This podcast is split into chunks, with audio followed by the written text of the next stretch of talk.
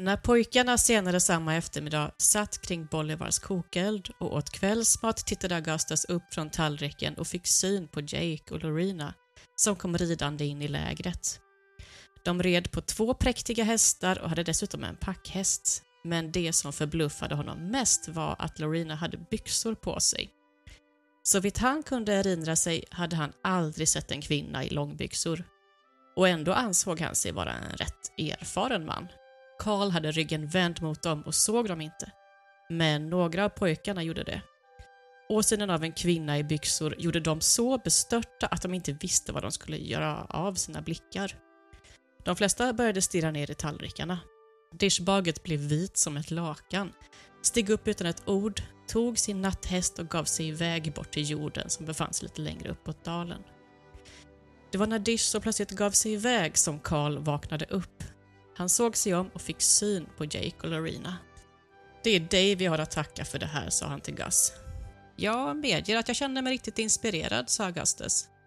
Han märkte att hans vän kokade av ilska, men själv tänkte han att besöket kanske skulle erbjuda dem en smula nöje. Det hade inte precis varit gott om den varan på sista tiden. Det enda de hade haft att skratta åt var när eh, Alan O'Brien blev kastad ur sadeln på en halvtämd häst och hamnade rakt bland kaktusarna. Han hade till och med haft taggar i skägget när han äntligen kom på benen igen. Men det var inget ovanligt. Hästarna var opålitliga och det fanns gott om kaktusar. En kvinna i byxor var mycket ovanligare. Du lyssnar på Västernpodden med mig, Lina. Och mig, Erika.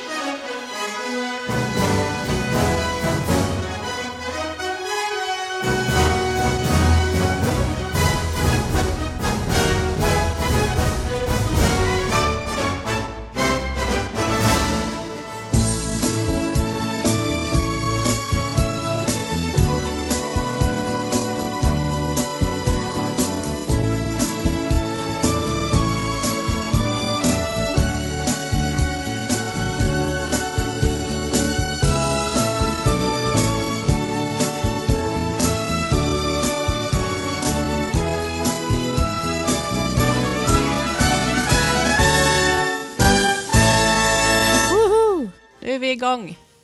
Yay! Yay. Det var ett tag sedan sist, men nu så. Det var det. Tar kvinnorna över. Ja, härligt. Och det är vår allting. Jag sitter här med ett stort stop eh, prima björksav för att fira årstiden. Ja, men du, härligt. Klockrent. Ja, jag ska hålla på och kolla lite. Jag tänkte försöka göra mig på en eh, björkvisp. Ehm, Ja. Då passar ju nu när det savar. Mm. Vad ska du vispa med den där? Ja, typ när jag gör eh, majsbröd. Ja, eh, vispa det, äggen och mjölken och det. Ja. ja, du bakade jättegott majsbröd sist. Ska den få följa med till eh, Riverdale kanske? Oh, det tror jag absolut. Det är ju det. Ja. Den säsongen drar igång nu. Ja, Till helgen blir det. För min del. Då startar min säsong. Mm. Ja, det var härligt. Ska vi till Riverdale? Ja. Hur är det för dig? Ja, min säsong startar inte riktigt än. Jag har annat för mig i helgen, men jag kommer eh, följa er och vara lite avis. Det lät jättekul. Ni ska... Det blir halvt om halvt lite live, va? Lite intrig och så i helgen. Eh, jo, men så det brukar vara lite live också. Mm. Lite händelser som händer i staden och så. Men det är Mm. sånt som stays in the city. Ja, japp. Det ja, jag kan ska dyka upp inte- i tidningen. Mm. Men vi blir ju några stycken från... eh, Vi är ju grabbarna från podden. Och Ulf Mm. och jag. Mm, det kommer bli kul. Vad, vad packar du med dig då, då? Vad blir det för kläder och sådär? Oj, alltså jag är ju sån här... Nu ska vi ju snacka strax om Calamity Jane som ofta klädde sig i byxor och jag känner Mm. mig ju mest bekväm i byxor. Ja. Men eh, jag kanske slår på den stora trumman och kör eh, kjol och blus och på det hållet och så kanske jag byter till byxorna på kvällningen sen. Ja. Så jag kör min Ja, liten Så det blir mitt eh, premiärklädsel. Mm. Jag hade ju tänkt tvärtom i så fall och klä sig som en dam eh, till aftonen. Men det är då du gör dig redo för Jo. eh, barnslagsmål, ja, precis. jo, men visst, ja, det är ju också en tanke. Att man klär upp sig lite till kvällen ju, Mm. såklart. Ja, Vi får se. jag ska, ja, det ska bli klura på den. Ja. Mm. Har du någon eh, tanke på när du drar igång ett event? När här, eh, vår säsong vilja? drar igång. Ja, jag vet inte när jag kommer iväg själv, men jag är väldigt sugen på att besöka något ställe jag inte varit på förut i, eh, i år. Ja. Eh, vi har ju, High Chaparral har vi ju hängt på och förhoppningsvis kommer tillbaka till så småningom. Riverdale har jag besökt en gång. Det kommer det bli Ja. I juli också, men eh, någon av alla andra västernstäder som eh, podden har kartlagt som inte ligger allt för långt eh, Nej. borta. Vi Nej, har det det, här i ju några. Bohuslän till exempel. Mm. Är det Rock River som ligger i norra Bohuslän? Ehm, pass. Wildcat City ligger någon annanstans. jag behöver eh, en karta. Ja, jag skulle nästan tagit fram den här eh, fina kartan som grabbarna har eh, knåpat ihop. Nej, men vi kommer nog åka runt och försöka besöka i alla fall ett ställe som vi inte har varit på tidigare. Mm. Kul. Eh, ja. Men sen, eh, än så länge, sommaren är ganska mycket ett oskrivet blad, än så länge.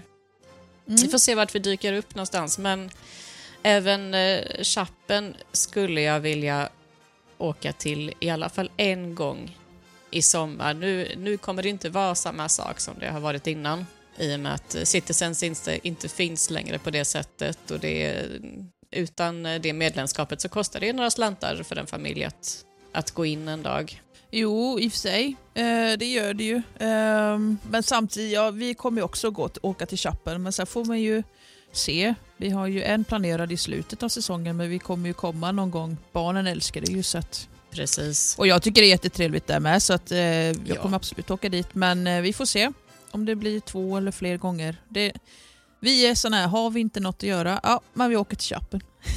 Ja, men det har Det ju är varit liksom- så. Och nu eh, hann ju inte vi vara medborgare, i alla fall inte jag, särskilt länge. Och han inte Nej. lära känna hela det här fina gänget, men eh, det blev ju lite som ett vardagsrum att eh, åka till och gå in i. Nästan. Ja, en ganska men det- hemtam miljö. Eller hur? Härligt för oss, både vuxna och Ja, yngre. så jag kan tänka mig att vi kanske bestämmer något datum och drar ihop, klär upp oss och åker dit i alla fall en gång, även om det inte kommer vara samma Absolut. sak som förr. Nej, men det alltså, ja, vi får se helt enkelt hur det blir. Men jag tycker absolut Mm. att vi ska styra ihop någonting. Ja, ja det måste vi göra. Ja. Mm. Yes, ja, idag hade vi ju tänkt vi skulle prata om lite... Sist pratade vi om yrken och då nämnde vi lite kända namn och idag kommer vi fokusera på Calamity Jane. Ja, precis. Och sen så blir det lite... eh, Du hade läst en bok där kring eh, Buffalo Girls. Jag har läst och läst. Och eh, du också? Precis, jag läste True Grit Mm. och sett filmen, den nya versionen. Eh, Så det blev lite det och lite Mm. Lonesome Dove där på slutet. Det kommer det bli. Jag, dyker, dyker in i eh, Larry McMurtry som har skrivit sjukt mycket böcker, men bland annat eh, Lonesome Dove på svenska Den långa färden som är ett sånt där riktigt västern-epos. Yes, härligt. Ja. Ska vi börja med punkt ett då? Eh, Calamity Jane. ja, det gör vi. Låt höra. Jo, så här. Jag har bara gjort en, hur man kan beskriva henne lite kortfattat. Väldigt, väldigt kortfattat. Och sen så kommer jag ta en liten tidslinje i hennes liv. Ja. Och då är det så här att Martha Jane Canary, som hon hette när hon föddes, var en alkoholiserad, skjutglad bråkstake. Hon tog sig friheten och hon fick friheten att bli det hon ville helt enkelt. Och hennes våldsamma leverne är ju en väldig skillnad då från kvinnans traditionella kall som hustru och Mm. moder. Hon var är inte jag, jag ska ut och rida. Mm. Men det här är ju jättesvårt att säga vad som faktiskt har hänt för hon har ju hittat på otroligt många historier. Hon har varit Mm. spejare åt armén. Det finns inga självklara bevis att det var så. Eh, Hon har köpt fraktgods, hon har kämpat med indianer och hon har varit där och hon var gift med den. Och alltså det, Mm. finns inga tydliga bevis men vi, eh, man får ta det med hennes lilla hittepå.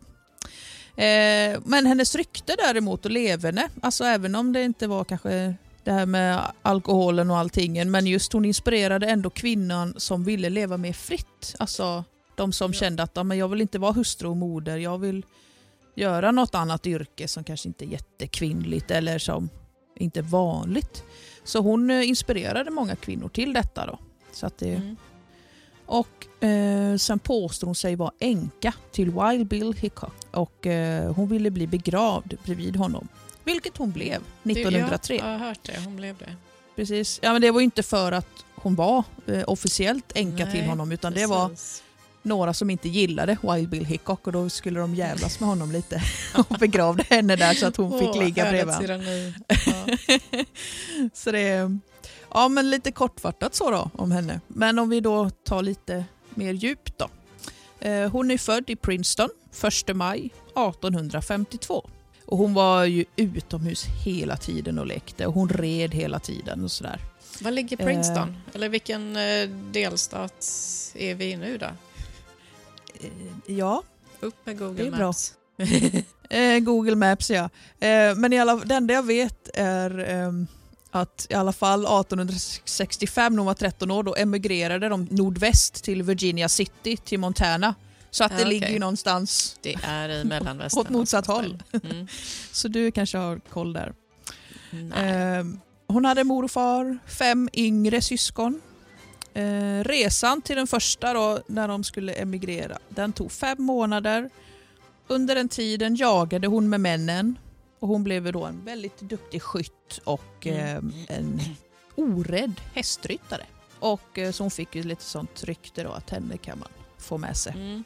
Tyvärr så dog hennes mamma kort efter att de kom fram, 1866. Och senare samma år så väljer de att emigrera igen till Salt Lake City i Utah. Ja.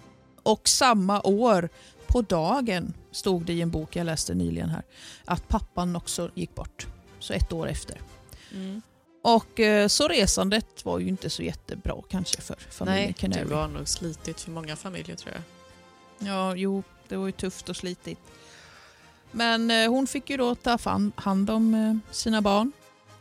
Och 1868, ett par tre år efter att hon hade haft hand om barnen själv och så, så kände hon att nej, jag ska göra något mer än jag måste fixa pengar, jag måste fixa någonting så jag kan Mm. göra mer för barnen. Så.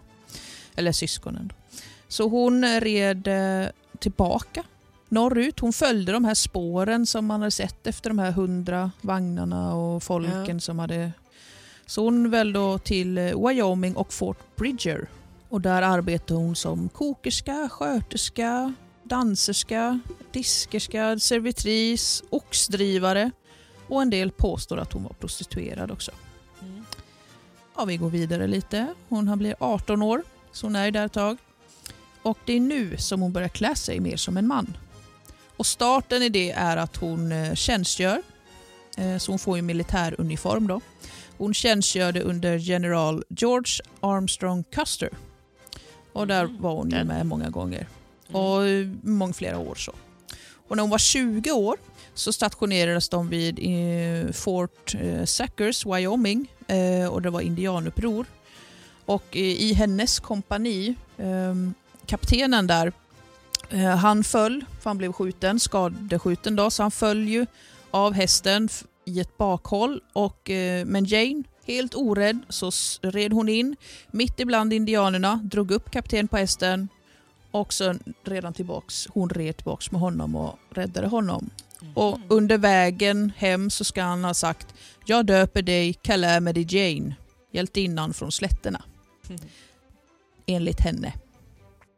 Ja, det, det är hennes egen historier. utsago det här. Ja. Ja. Det finns ju flera som eh, säger eh, hur hon har fått sitt namn, bara just att hon var lite äventyrlig. Liksom. Ja. Ehm, och under den här tjänstgöringen på något sätt så stötte hon då ihop med Wild Bill Hickok. Mm. Vi eh, går på 1876. Det är nu det blir som en liten vändpunkt då för henne i Janes karriär kan man säga. Eh, Hickok och Utter de vandrade runt och då stannade de till vid Fort Laramie och eh, där hängde de prostituerade kring soldaterna och det sägs att Calamity Jane var, var en av dem. Mm. Och en officerare i den här tra eh, trailen, alltså i den här bland Hickok och Utters män och så, de eh, sa det, ja men vi ber att de prostituerade följer med oss så de inte behöver vara bland soldaterna så får de följa med oss. Mhm, Så osjälviskt. Ja, Eh, kul. Eh, Ja men då så på det sättet så hamnade hon med då Ja, i ja. hans. Och det här var alltså i juni. Nu får vi lägga märke till lite hur månaderna här. I juni hände detta och då träffas Wild Bill och Jane då för första gången. Och fem veckor senare så dör han. Så de känner ju alltså Mhm. inte varandra så jättelänge. Nej. Som enligt sägnen och allting så sägs det som så. Mm. Och det var ju bara en ytlig relation så. Det var inte mer. Nej, Men hon har ju sagt att de precis. var gifta och Ja. Eh, Men under resan så fick hon hjortskinsjacka och hjortskinsbyxor Mm. och idag så de flesta som efterhand då, som har beskrivit henne var ja, men hon hade sin hjortskinsjacka och sina hjortskinsbyxor så det blev lite hennes kännetecken klädsel Mm. här under den här tiden. Och eh, de stannade till, eller anlände då, till Deadwood i juli. I juni träffades de, i juli anlände de till Deadwood. Och eh, när de var, hade varit där i Deadwood ett tag så Wild Bill, han satt alltid med eh, huvudet, eller ansiktet då, riktat mot dörren. Ja. För han var ju lite, han hade ju, alla tyckte inte om honom och så. Så han var på sin vakt. Men den här kvällen så var han vänd med ryggen mot dörren. Mm. Det kommer in någon som är väldigt sur på han som har förlorat i något spel och han skjuter honom i bakhuvudet. Men Jane blev ju kvar där och eh, hon arbetade som sjuksköterska. Så att det var ju här, hon Mm. var ju alkoholiserad, hon var vild och galen, skjutglad och sådär men de ändrade uppfattning lite till att hon var, men hon är nog ändå lite omhändertagande och Ja. så när hon tog hand om alla skadade och så. Mm. Eh, hon arbetar också som bartender i Deadwood. Och det gillade inte de fina damerna. De eh, sa så här att nej, vi ska, de samlade ihop sig som ansågs att hur en dam ska vara. De tog en sax, eh, de skulle klippa av henne håret och de tog pisker. Eh, antagligen för att ja, slå henne. Eh, de går in i baren och Calamity Jane lyckas brotta ner dem och fly undan men sen så jobbar hon inte kvar där som bartender. Då. Så de Oj. lyckades ändå skrämma iväg henne fast hon- ja, hon ville ju inte gå deras väg, hon ville gå sin väg Mm. så då red hon vidare. Och sen så fortsatte hon ju helt enkelt sitt liv sådär. Med, hon var, fortsatte att dricka olika yrken och, och var den här Calamity Jane, katastrofen Jane. Mm. En del nämner Clinton Burke 1885. Senare som i El Paso, att hon var gift med honom gick hon och sa och så. Men eh, det finns ingen dokumentation inom fem år kring det här årtalet då. Att hon ens var åt det hållet. I närheten av El Paso. Mhm. Så det sägs också bara vara en, en sägning från henne. Däremot, hon hade två barn. Jaha, En son, två. men han dog som spädbarn. Ja. Eh, och sen en dotter då. Och hon levde ju ända in på 1960-talet. Och så finns det papper på att hon var gift med en Bill Steers i Wyoming på slutet där. Men hon ansåg sig ju vara änka till Wild Bill Hickok. Och jag har ju kollat då i eh, Wild West, eh, ja men böckerna, de här, ja, just det. De. eh, ja, Mm. och kvinnor, den jag kollar med för yrken och där finns det ett litet stycke om Calamity Jane. ja. Jag har även eh, läst en tidning som heter eh, The, The Adventures of Calamity Jane. Och då har man, ju- det är en serietidning och den är ju ännu mer fördjupad. Den stannar ju ännu mer i när hon tog hand om barn de här tre åren. Då får man se lite hur det kunde gå till Ja. ut efter tre böcker. Så att det blir ju, Okej. alltså fiktion Ja. är det ju i och med att det är mycket från hennes egna, alltså Mm. så. Men eh, då har de, de har ju inte tagit någon egen historia kring henne, författarna då. Så de har ju utgått från hennes eh, tre böcker som är om henne. Bland annat Mm. Letters to Jane, alltså hon har skrivit till sin dotter. ja. Finns det sådana man- brev på riktigt? Eh, Från, eh, de, oj, det vet jag inte om de finns, men, men den boken finns ju. Ja, intressant. Och, och det är ju hennes berättelse, så det är väl, jag vet inte om, om det är dottern som har återberättat dem eller är det någon som har. Mm. Eh, men den serietidningen i alla fall, den är på ungefär 300 sidor sånt där. Där, Mm. där fördjupar de sig i och Intressant. där ser man ju de här Ja. större händelserna. Mm. Och ehm, ja, det var väl lite om henne. Du hade väl läst någonting en, ja, det har jag. Och vad, vad Precis. Eh, ja, men precis. Jag läste en av Larry McMurtrys böcker, heter Buffalo Girls, och den kretsar bland annat kring eh, Calamity Jane. Mm. Bland annat just de här breven hon skriver till sin dotter. Men det är ju extremt fascinerande med sådana historiska figurer som eh, egentligen inte levde för sådär jättelänge sedan, tycker jag, som är arkeolog i alla fall. Men som där det ändå är så himla svårt att skilja mellan eh, myt och sanning. Mm. Att det, det är skralt med historiska dokument och eh, papper i arkiven och sådär och, och hela vilda västern omges ju av så himla mycket mytbildning överhuvudtaget. Jo. Och hon verkar själv varit rätt bra på att fabulera ihop saker som hon har gjort så att det, det gör henne till en väldigt spännande person. Oh ja. Nej men det verkar ju finnas, hon har ju skildrats flera gånger i böcker och på film och i tv-serier och jag vet inte fasen om jag hittills har sett någon riktigt bra bra skildring eller bra liksom, rolltolkning som inte... Alltså på ett eller annat sätt så blir hon ju romantiserad och ofta lite förskönad. Liksom. Mm, men där har jag ett tips då. Ehm, Har du sett Deadwood? Ja, Deadwood är väl en av dem som eh, de lyckas ganska bra. Hon är, hon är gans- ganska brötig och försupen och så, men fortfarande lite, alltså lite för vacker och... Ja, kanske. Jag har bara sett eh, första avsnittet för eh, igår. just inför det här och just Ja. som Emil då, han sa det, kolla på det här för här är ju, han sa det, det är en av de få som lyckas ändå, Ja. i alla fall i början, fånga henne. Så det kan ju hända det, Mm. jag har ju inte sett fortsättningen, att de ändrar hennes karaktär och som du säger till Ja, lite. alltså det är en väldigt bra rollprestation. Nu minns inte jag vad den skådespelerskan heter, men eh, hon, hon spelar ju bra, det är ingen tvekan om det. Sen, Nej, nej. eh, Kan man ju, sen har de nog fortfarande fabulerat ett och annat som man inte vet om det finns något eh, historiskt stöd för. Ja, nej, Deadwood är ju sevärd på alla sätt och vis. Att det, Mm. Ja, nej, jag, första gången jag såg den igår kväll. Mm. Så att, jag såg bara första avsnittet då. Men eh, nej, för där är hon ju, ser man ju sleten. ja, ja, hon är bra på att spela försupen. Ja, och gjort skinnskläder så. Och styr Mm. och ställer. Och, ja, det, men det är som du säger, det, film är ju alltid film också. Mm. De vill Men väl vi, ändra eh, sitt. Vi kommer komma tillbaka till uh, Calamity Jane eh, snart. I scouted for fucking custom. A great man who would have wanted you to sell me that bottle. He was no great fucking man. He was a long-haired cocksucker that could have saved many lives by more drinking. And stop being so fucking ambitious. And many still above ground and not scalped by the fucking heathens and their guts spread over the plains. You're a short nigger, aren't you? For a fact, My name's Jane. I'm the nigga General Fields. Want a drink? I want to buy that bottle. That's what I want. Well, you ain't buying it, but you can have a fucking drink.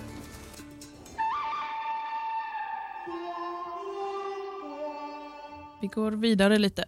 Ja, precis. Jag har läst och läst och läst en sjukt tjock bok av Larry McMurtry som är lite av en bibel när det gäller västernlitteratur, nämligen Lonesome Dove, Den långa färden på svenska. Eh, och precis som Emil påpekade någon gång för länge sedan så har den ett av historiens fulaste bokomslag i den svenska utgåvan. Det är inte så, Larry McMurtry var ju sjukt produktiv och det är endast ett fåtal av de böckerna han har gett ut som eh, översatts till svenska och jag tror inte att det har kommit några nyutgåvor på svenska sedan 80-talet. Eller Nej. 90-talet, så att det här är, det är inte vackert.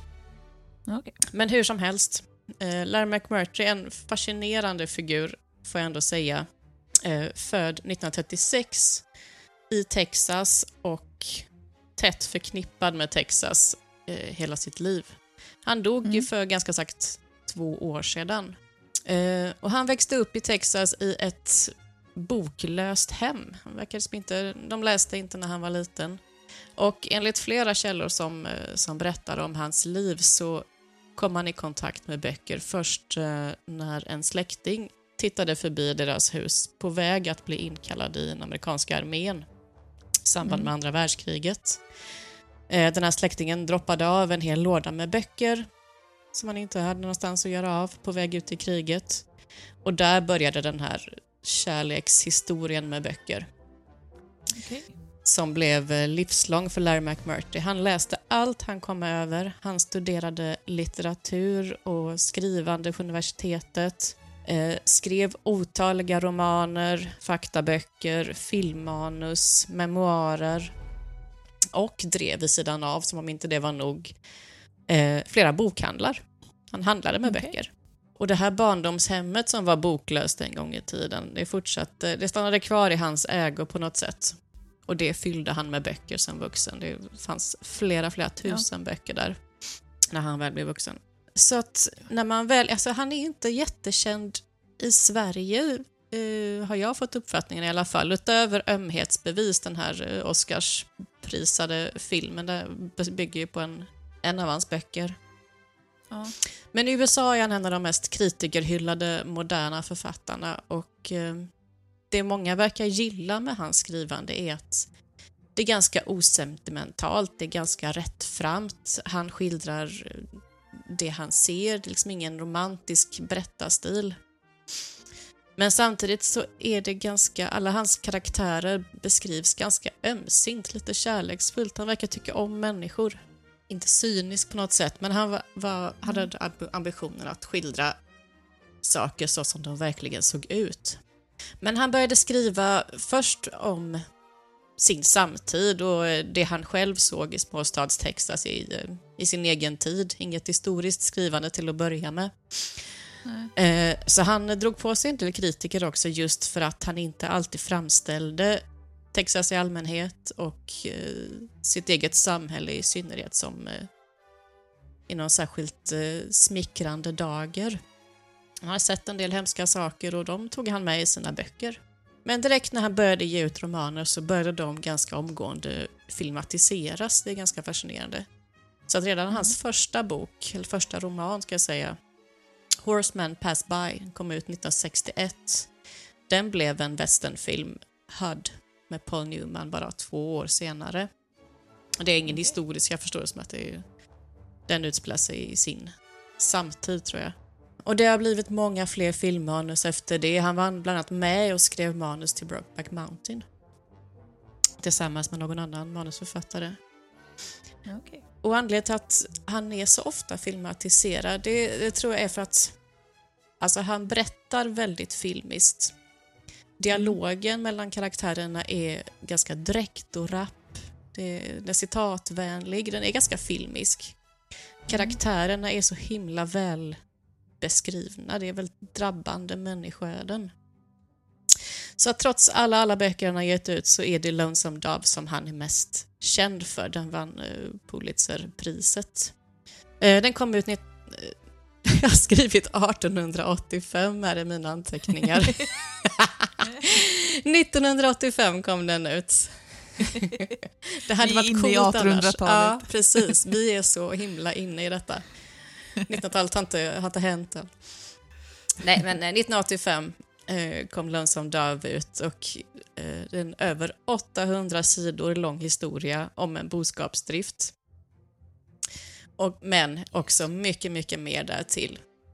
Det händer massvis. Namnet Lonesome Dove fick han när han fick syn på någon skolbuss eller någon, kanske var någon amerikansk församling som drev skola eller någonting. Så det var, Lonesome Dove var tryckt på en skolbuss som han åkte förbi och såg. Eh, då tyckte han att det, det passade bra. Och så verkar han jobba. Han hämtar mycket inspiration från allt möjligt som han ser. Och Det var första gången han skrev en historisk roman vad jag har förstått utifrån det jag har läst. Han hade tidigare skrivit om, eh, mer om sin samtid, om 1900-talet och tyckte att författare skulle hålla sig till det, skriva om sin egen samtid. Mm. Men nu skrev han om Old West och han blev ju med tiden en auktoritet på ämnet, extremt påläst och kunnig historiskt. Men han hade också den här ambitionen om att han skulle avmytologisera gamla västern och berätta om, eh, om allt det här som man förknippar med vilda västern på ett sätt som inte är så romantiserat som det ofta hade varit tidigare då i populärkulturen. Mm. Så i Lonesome Dove, den fick, den fick efterföljare och prequels och han skrev flera ytterligare böcker om, om de här karaktärerna. De har inte jag läst tyvärr. Men där får vi följa ett par före detta Texas Rangers som börjar bli lite till åren. De sitter där på sin farm och tänker tillbaka på sina glansdagar och undrar lite vad de ska göra med sig själva. Mer och mer av västern och Texas börjar bli bebyggt. Det finns inte längre anledning att jaga indianer hela dagarna. Så de bestämmer sig för att slå sig på boskapsdrift istället och då blir de bland de första som driver en stor boskapsjord från Texas ända upp till Montana. Så det ut, utspelar sig inte jättesent under västerneran utan när mitt i de här boskapsdriftens dagar. Mm. Så att det, det är en stor episk tegelsten, massvis med karaktärer och sidohistorier eh, som vävs samman på olika sätt. Den har jämförts med Borta med vinden som en så här Just det. epos över en bit av den amerikanska historien. Mm.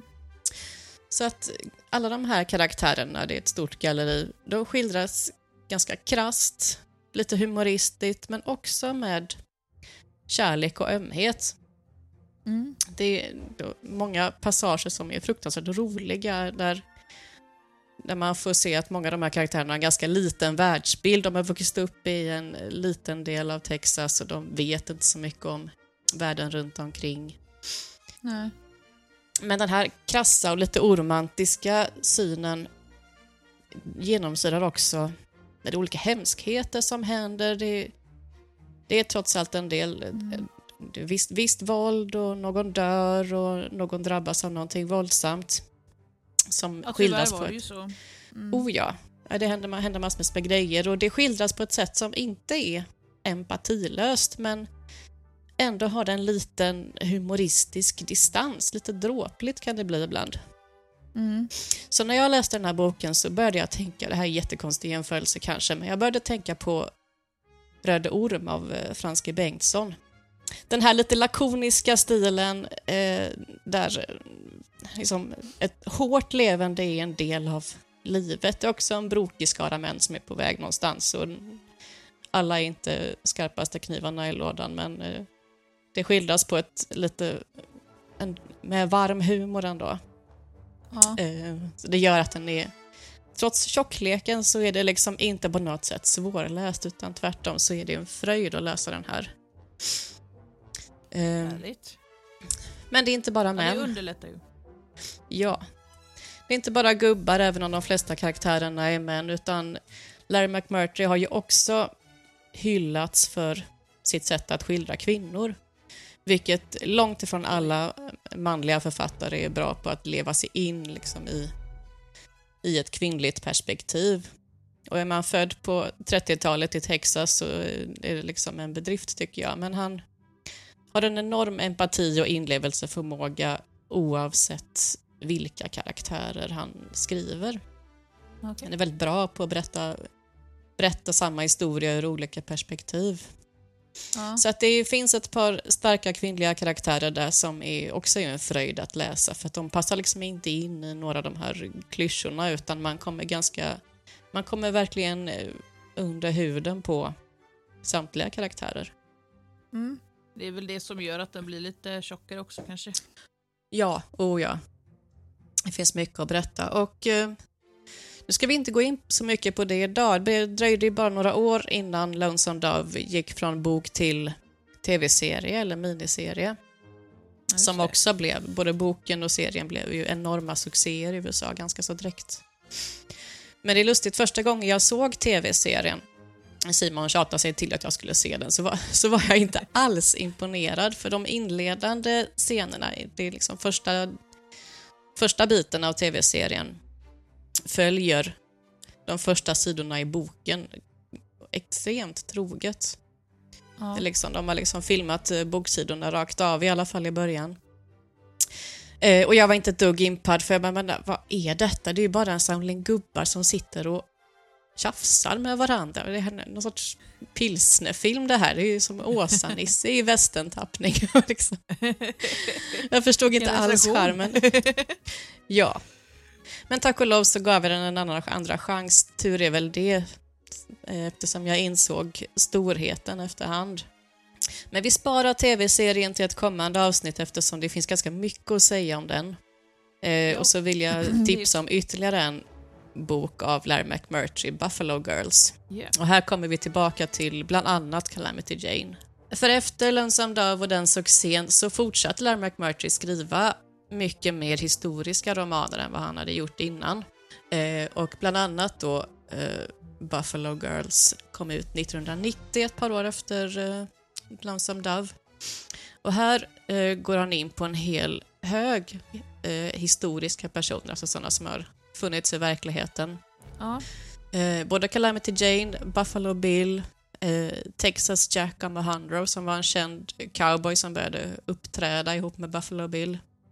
Ja. Eh, Teddy Blue som var, han var bara en vanlig cowboy. Han är känd för att ja, han levde längre än de flesta cowboys och Okej. berättade sin historia för en eh, författare på Jaha. 1900-talet som, han, som gav ut någon sorts memoarer där han berättade hur det var i vilda västern. Det är därför han är känd. Ja. Eh, Dora Dufran som var en känd madam, bordellmamma, där i västern och hon var vän med eh, Calamity Jane. Eh, Sitting Bull, legendarisk eh, indianhövdingen och många andra. Mm. Samt ett gäng. Jag har eh, fångat många, ja. han, han buntade ihop ganska många och det här var ju personer som kände varandra mer eller mindre i verkligheten. Men eh, det man ska komma ihåg tror jag med McMurtrys författarskap är att även om han hade enorma historiska kunskaper så ska man inte läsa hans romaner som faktaböcker för att han tar sig ändå lite friheter när han skapar historier kring de här karaktärerna. ja. Eh, Så varje detalj kanske inte stämmer, men det han gör, alltså på ett högre plan, så tecknar han en bild av vilda västern som känns ganska autentisk. Så det som händer med de här karaktärerna i Buffalo Girls är att en stor del av det här gänget tar båten över Atlanten till England. De handlar i London och där uppträder de i Buffalo Bills västernshow för den engelska drottningen. För hon firade nämligen 1887 sitt Golden Jubilee. Hon hade suttit 50 år på tronen i England. Eh, Så att man var, man var väl eh, inne i den viktorianska eran. Brittiska imperiet står på sin höjdpunkt och så vidare. Och det här har hänt på riktigt, hur knäppt det än låter. Det var ett jättefirande av 1887. Dignitärer från hela jorden och från alla delar av det brittiska imperiet kom till London och det var parader och det var uppträdanden och det var det ena och det andra när man firade drottningen. Bland annat var Buffalo Bills västernshow där med Calamity Jane, med Sitting Bull, hela gänget. finns bilder på när de hälsar på drottningen och sådär. Och där, där, jag tycker att det är en så fa- fascinerande historia och en så fascinerande era. För precis som det händer i boken så är ju alla de människor de möter i London och i Europa är ju lika fascinerade av de här vilda västern-legenderna som vi är idag. Så att mycket av den här eh, vurmen för vilda västern den grundläggs ju i deras, i deras samtid, alltså i diverse författare och journalister träffar på de här personerna ute i vilda västern, skriver om deras liv och leverne och de här Ja. det sprids i form av tidningsartiklar och såna här diamond novels, billiga små romaner som, eh, som människor på den amerikanska östkusten och människor i Europa läser och det är liksom deras myter skapas ju medan de fortfarande lever. Ja. Och bland det bästa i den här boken är ju Calamity Janes brev som hon skriver till sin dotter. Det var därför jag frågade dig om det förut, för att nu har Ja. inte jag kollat upp det här själv. Jag vet inte hur pass mycket det här bygger på någonting som är på Eh, riktigt. Nej men breven som hon har skrivit till, eh, till sin dotter det är ju hennes egen berättelse så att det, Ja. man, man hon kan ju hitta på precis vad som helst i de där breven. Precis. Så breven Ja. är ju inte fakta.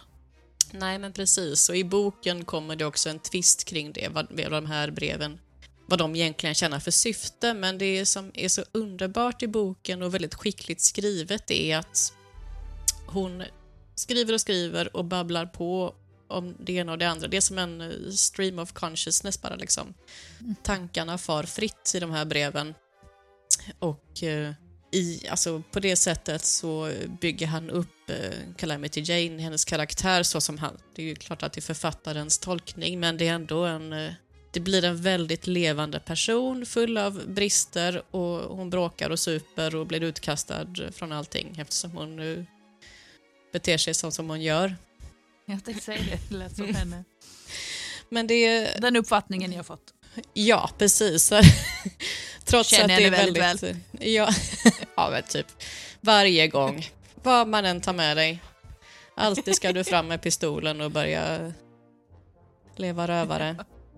Ja, nej men, eh, nej men både Buffalo Girls och Lonesome Dove handlar om lite grann liksom människor som är i slutet av en era, människor som börjar bli gamla, de ser tillbaka på bättre dagar när västern fortfarande var vild och det finns liksom en bitterljuv känsla väldigt mycket i de här historierna.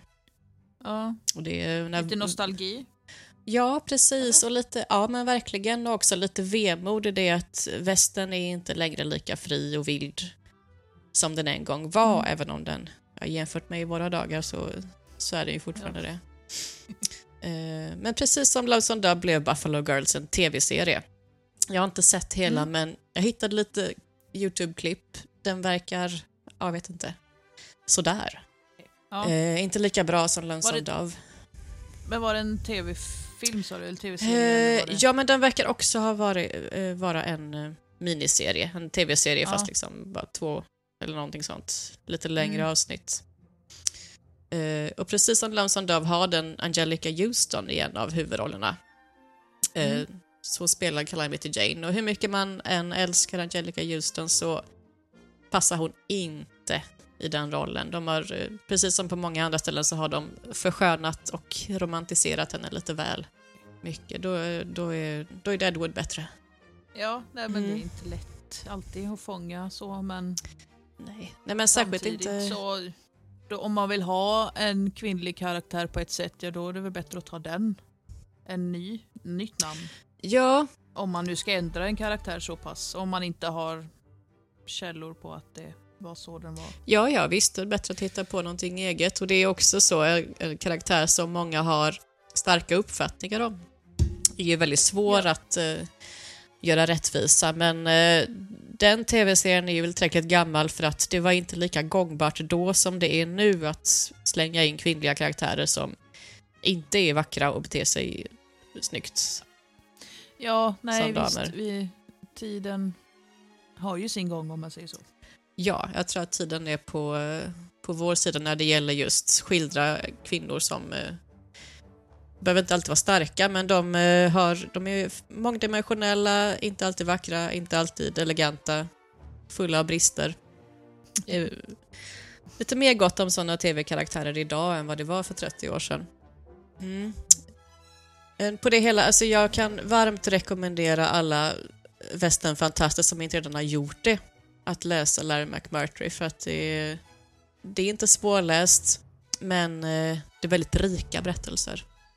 Eh, Och Buffalo Girls finns så vitt jag har kunnat hitta inte översatt till svenska men den eh, finns som ljudbok. Jag vet att den finns på Storytel. Eh, Första gången jag läste den så lyssnade jag den som Ja. ljudbok och det är en fantastisk uppläsare. Fel uppläsare Ja, kan ju sabotera en bra bok, men det här Ja, är en jo. underbar en kvinnlig uppläsare som har den här mysiga, breda mellanvästern amerikanskan eh, som berikar. Det är liksom det här lite humoristiskt och lite vemodig ton i hennes uppläsning som rimmar väldigt bra ihop med berättelsen. Så jag kan verkligen rekommendera att lyssna den som ljudbok om man inte vill Ja. läsa den. Ja, men det blir ju bra till sommaren när man ska åka på alla sina roadtrips. Ja, oh, Till ja. dessa västernställen då. på med Buffalo Girls. Det var vad du hade läst där då, dina böcker. Det var Helt vad jag har enkelt. läst. Eh, Ja, och det eh, gav mer ja. smak. Eh, jag, jag, härligt. jag testar säkert fler böcker av Larry McMurtry med tiden. Eh, inte minst Lonesome Dove fick ju som sagt, han, eh, han öste på med prequels och några uppföljare eh, som säkert också är väldigt läsvärda. Ja. How about a poke? I'm with Jake now, Gus. You know that. Yeah, I do know that, honey. I'll give you fifty dollars for the poke. Fifty dollars? I'll give you fifty dollars. Even if you had fifty dollars, Lippy, the answer would still be no. Eh, jo, jag läste ju en bok, eller lyssnade. Ja. Lyssnade, läste. Ehm, och på svenska då, True Grit. Mm. 1968 kom boken True Grit. Utgiven på, och sen 69 året efter kom den på svenska. Då. Mm. Och eh, Den kom då på en film med John Wayne eh, 1969.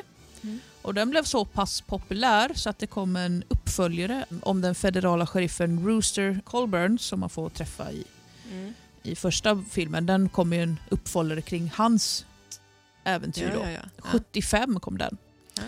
Och sen så kom det även eh, 1978 eh, kom det en tv-film, True Grit. Och den heter The Further Adventures. Ja. Och det är ju också samma grej då att den eh, följer ju upp sheriffen då. Men den filmen jag har sett, den är från 2010. Och den av alla de här olika filmatiseringarna av boken så är den ju, ja, men som du beskriver i Lonesome Dove där, har du att de, två, de första sidorna i boken är exakt filmade. Mm. Ja. Man kan säga så här, man, alltså dialogen som är ganska lång ibland, den är ju precis lika lång i filmen. Och Mm. jag tycker i och för sig det är bra, men så att den är ju väldigt lik boken. Så om man inte har tid att läsa en bok eller sådär, då kan man ju alltid se filmen Mm. 2010. I och med att det är så likt. Jag tänkte jag skulle bara ta handlingen och sen lite tankar kring det hela. Ja. Ja. Det blir inga spoilers. Eh, I alla fall. Men det är i alla fall, det handlar om Maddie Ross. Mm. Hon är 14 år.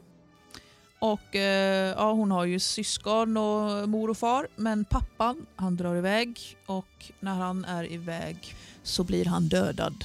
Mm. I, den, han ska hjälpa en men den han ska hjälpa, Tom Shaney, han är för full så han tror ju inte att han ska bli hjälpt så han skjuter ju pappan då. Så pappan dör. Mm. Och, eh, men det är ingen som riktigt bryr sig om det där i staden. Så att hon bestämmer sig för att åka dit och ta fast honom så att han helt enkelt Mm. blir rättvist dömd. Då. Så, men hon, eh, Maddie, hon, eh, hennes mål är ju liksom Tom Shaney, han ska, Mm. han ska åka dit för det här. Så hon anlitar den federala sheriffen Ruben Rooster Colburn. Och ehm, ja, vi får följa dem i eh, sökandet och så får se deras med och motgångar helt enkelt. Mm. Det kommer även en resande med som hjälper dem i början här, eh, LaBouffe, Ja. vad han nu hette för någon kommer inte ihåg. Men så att ja, man får följa lite deras sätt och hon är ju jättekaxig. Jag Mm. får lite, ibland blir jag så här, vänta nu, är det Maddie Ross eller är det Calmady Jane som jag har läst på om nu? Ja. ja. För de är lite lika, lik. jag kan tänka mig att det kanske har inspirerat det, jag vet inte. Men eh, hon är ju väldigt skinn på näsan, Mm. denna dotter, och hon ger sig inte. Nej, jag ska följa med, jag ska se till att du Mm. hittar eh, den här mannen, även om det ja, men det är ju farligt där ute. Jag hänger med, jag tar en häst och så Mm. vidare. Så hon var väldigt så. Eh, väldigt härlig film. Det jag, lite recension då kan man säga. Jag tycker att dialogen dem emellan är ju väldigt rolig. Och, eh, det är ju en kaxig tonåring och en robust liten Ja. eller en federal. Um, åldern är väl sådär. Han, I filmatiseringarna har Ruben Rooster då varit sex, gestaltad som 60 år men han är ju eh, i boken är han 40 år. Mhm. Så det är ju lite åldersskillnad där. Ehm, men hon är ja, 14 år i filmen, hon är väl 13-14 i boken. Så att det är ju, Mm. och skådisen är 13 år också Oj. i den 2010-versionen som jag sett. Då. Ja. Bra jobbat. Ja, Men eh, Rooster är ju då uppåt 60. Mm. Nej men ehm, jag tycker relationen mellan de tre huvudkaraktärerna, så man, ja, men det, man tycker om dem och inte tycker om dem lite både Mm. och. Så. Ehm, man förstår hur de är och ja, hon vill ju ha en som är av true grit, alltså det rätta virket. Mm. Så får vi ju se om han är det då helt enkelt. Och ehm, ja, alltså jo en grej. Revolven. Hennes pappa har ju en revolver med sig och hon Mm. får ju då får ju den, eller ärvar, eller vad ska man säga. Hon får, tar, ju, tar ju hans tillhörigheter. Mm. Och då är det ju en revolver som är Colt Dragoon. Och i den gamla John Wayne-filmen 69, då har hon i filmen så har hon en Colt Walker och den är mycket större. Men i den här filmen så har hon en Colt Dragoon så att den här är ju lite mer Aha, just vapnetmässigt sett. Ja, de har ändrat till den där. Mm. Och om man ska ta lite överlag så är mig, jag själv och västernfilm, det är att jag har inte sett jättemycket innan jag började i den här västern, Mm. ja men 2006, ni- 2016 när vi började hålla på med Mm. västern och sen bara small det till. Sen hade vi västernklåset och två saloner, på, en på trädgården inne. Och, Det är så lätt Ja, hänt. men- Det bara händer. det är så lätt. Hoppsan. Det är så. Det bara, det bara händer. Det här med att man går all in, det, Mm. det kan man ju hitta mig Mm. under den beskrivningen. Men i alla fall, eh, då, men jag har aldrig varit så här, ja men film, nej, jag, Emil vill gärna se inför och vi ska åka. Så jag bara, nej, nej, nej, jag vet inte varför. Jag har bara fått för mig att jag inte ska gilla det och, Nej. och så vidare. Eh, men han har visat, ja, men han vet ju vad jag gillar. Så, där. så han bara, oh, men den här kan vi börja med. Och den här Mm. och den här och den här. Lite med Sam, eh, oh, vad är han heter? Sam Elliot va? Han som gör Sam. Ja, ja, ja. Ehm, ja, ni, ni som, ni, ni, Ni såg ju hur jag gjorde. vet. Ja, ni som vet, ni vet. Ehm, bra Lina. Ehm, nej, men, eh, nej, men jag, jag har blivit väldigt fascinerad. Jag tycker ju om, de är ju väldigt bra. Så jag har ju ändrat Mm. min åsikt kring westernfilm. Jag ser ju gärna en westernfilm och det är nästan bara det som går just nu. Då. Ja. Och jag kollar ju mycket på landskap och interiörer. Visst, Mm. alla är ju inte historiskt korrekta. Vad, hade man en sån här såg det ut så? Och så vidare. Hade man det här i köken? Och, men jag, jag blir ändå så inspirerad av det och jag tycker det är så härligt och så enkelt Mm. liv. Även om det var hårt. Liksom. Var det skallerormar vid potatisen? Ja, då kunde du inte laga potatis den dagen. För, alltså, så det var ju inte ett åh, Ja. det vill jag leva. Men just själva det här att ha ja, men, självförsörjande lilla livet och Mm. landskap av natur och man, gör, man tar vad man har. Och, ja, det,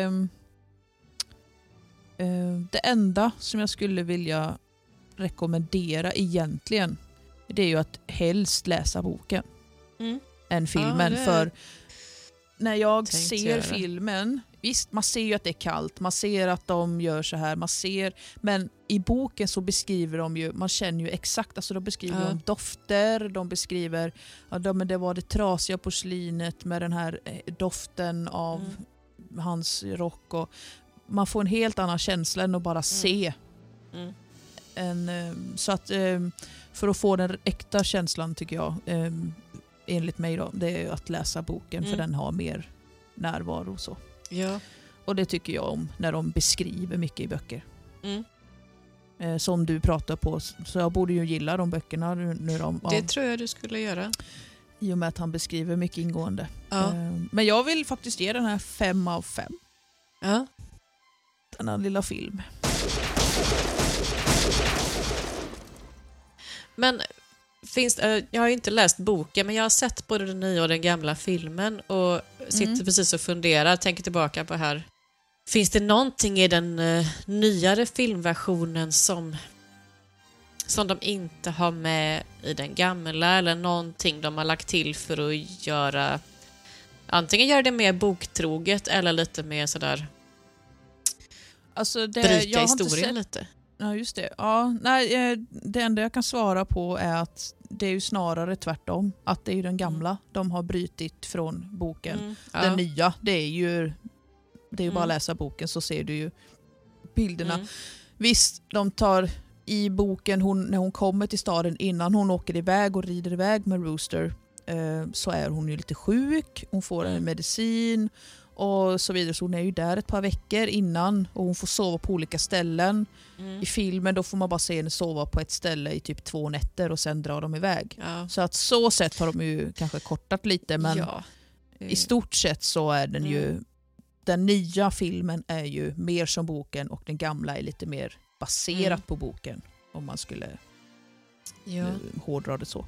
Men jag har inte sett den gamla utan det Nej. är Emil som, som har sett den gamla och han, han, sa, Ja. han sa också. Den är också jättebra. Eh, och det är ett väldigt bra samspel mellan John Wayne och den här eh, unga tjejen som jag tyvärr inte kommer ihåg vad hon heter. Sen tror jag säkert att de har varit mer noga med autentiska, autentisk kostym och autentiska miljöer i den nyare filmen. Det är en av de konstigaste sakerna i eh, den gamla versionen där den unga tjejen Okej. alla andra har okej kostymer men hon ser ut som att hon ska på en Beatles-konsert ungefär. Alltså hon, är väldigt Ja. 60, hon ser väldigt Oj. 60-tal ut. Med, med liksom modern kort frisyr och allting. Det är skitskumt. Ja, Eh, den, Men det var ju en era där man inte var så himla noga med kostym. Som man nej, är precis. nu. Spelar väl roll när man gör filmen så, som sagt. Ja. Men är hon en realistisk karaktär då? Kan man, man säger så. Det är, det är en, jag har förstått att det är en flicka som är väldigt kaxig, självsäker, modig, orädd. Och alltså allt det som man gärna vill vara som ung tjej, men är, är det en trovärdig person? Alltså det är hon... eh, Alltså egentligen så tänker jag, i och med Calmary Jane, hon var ju inte den enda, bara att hon har blivit, hon Mm. har ju lyckats få sig ett rykte och, Ja. och särskilt, det var ju, hon levde ju på Wild, Bill Hickok lite där att ja, han är så känd och har jag med han att göra då.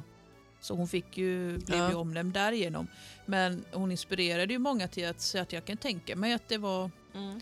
det var fler så det är nog inte helt omöjligt Nej. tror jag. För jag menar, också hon har ju, som man förstod det som i början på boken, så pratar de ju lite mer om att ja, men hon var ju den smarta i familjen. Hon var den, hon styrde ju upp med betalningar, så Ja. läste och hon gjorde ju liksom, så hon, hon hade ju kunskap och fakta om att, att kunna vara, så hon var ju vältalig om man ska säga så. Mm. Eh, så jag menar det är ju inte omöjligt att det Mm. Det känns ju absolut, eh, tycker jag, som att det skulle kunna ha funnits någon. Och som sagt, jag blandar ihop lite hennes karaktär med Calamari Jane just för att båda två är så lika, lite där skinn på näsan. Förutom superiet då. Ja, jo precis. Men det är väl tur det med tanke på att hon ska vara så här 13-14. ja, precis. Det, det Calamari Jane, hon söp ju inte när hon var så ung heller. Det blev ju sen.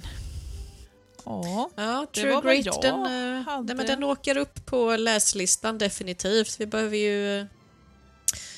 Eh, precis som eh, vissa nördiga, icke namngivna medlemmar i den här podden har eh, någon sorts gemensamt Excel-dokument där de eh, tävlar i vem som har sett eh, flest westernfilmer.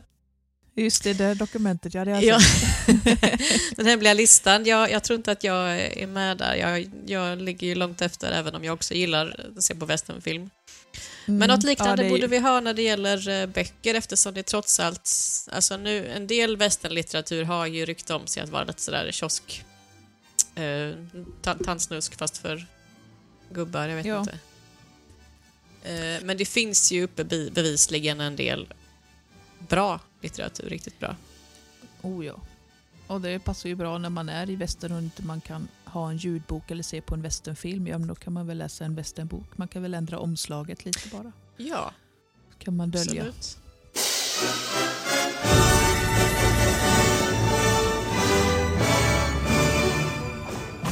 Det är lugnt och tyst här ikväll. Just vad det ska vara det, Jake Logan. Ta ditt gäng och stick va. Jag vill inte ha något bråk här ikväll.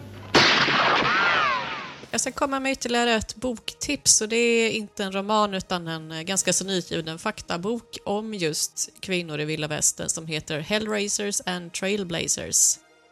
The Real Ah, Women of ja, the men Wild den West. känner jag igen. Ja. Den Ja. kom en ovanligt snäll, eh, inte tomte ska jag säga för att det var min födelsedag. inte julklapp. En snäll cowboy kommer den här i födelsedagspresent. Nyutgiven bok av eh, Jana Barmersbach and Bob Bosey Bell. Den senare är ju eh, någon sorts redaktör för True West Magazine tror jag. Skrivit massa Mm. saker. Eh, en jättefin, en slags bilderbok om eh, olika kända kvinnor i, i västern. Med Ja. ganska så olika bakgrund och olika, kända av olika skäl men minnesvärda av olika sätt. Så att eh, det är ett tips, definitivt. Härligt. Ja, vi får nog köra ett litet Excel med böcker, du och jag. Mm, precis. Så att vi kör vår del och grabbarna sin del. Ja, precis. Eh, Men eh, ja, då kanske inte vi hade så mycket mer idag utan det blir ju snarare en liten introduktion av Lonesome Dove idag och den ska då tas upp vidare. Mm. Det kommer mer om den, för det finns mycket att säga om tv-serien. Precis. Och i väntan på det avsnittet, för det vet vi inte just idag när det kommer att sändas och spelas in, men då kan ju ni som lyssnar Mm. läsa den eller kolla serien eller kolla igenom dessa. Ehm, för då, ehm, eller i alla fall Lonesome Dove just för att vi kommer att prata om Mm. den längre fram där. Och har ni någon mer favorit, eh, alltså en populärkulturell tolkning av Calamity Jane? Det finns säkert fler, både böcker och eh, tv-filmversioner än vad vi har tagit upp här. Vem gjorde henne bäst? Så tipsa Ja, gärna. precis. Den här serietidningen jag läste bara var The Calamity Life of Martha Jane Canary. Mm. Eh, Calamity Jane är den serien jag läste och den då har de här böckerna Calamity Jane's Letters to Her Daughter. Det är ju den med, Ca- eh, skriven av Calamity Jane och Jane Canary Hickok av modern och dottern. Då. Och sen den andra eh, är, boken är Calamity Jane, Her Life and Her Legend by Doris Faber. Och den tredje är The Gently Tamers, Woman of the Old West, of, Woman of the Old Wild West by Dee Brown. Så de Just tre det. böckerna där. Ja, deras bra. Den där sista har jag också eh, nosat lite på, Gentle Tamers. Den verkar Ja. läsvärd. Mm. Ehm, så det är de. Men eh, ja, så det är lite boktips. Ja, precis. Och film. Vi får, Tips. det blir snart en eh, västernbokklubb av det här. Ja, det får mm. bli så. Men eh, ja, då återstår väl bara att säga Don't, drink, and homestead.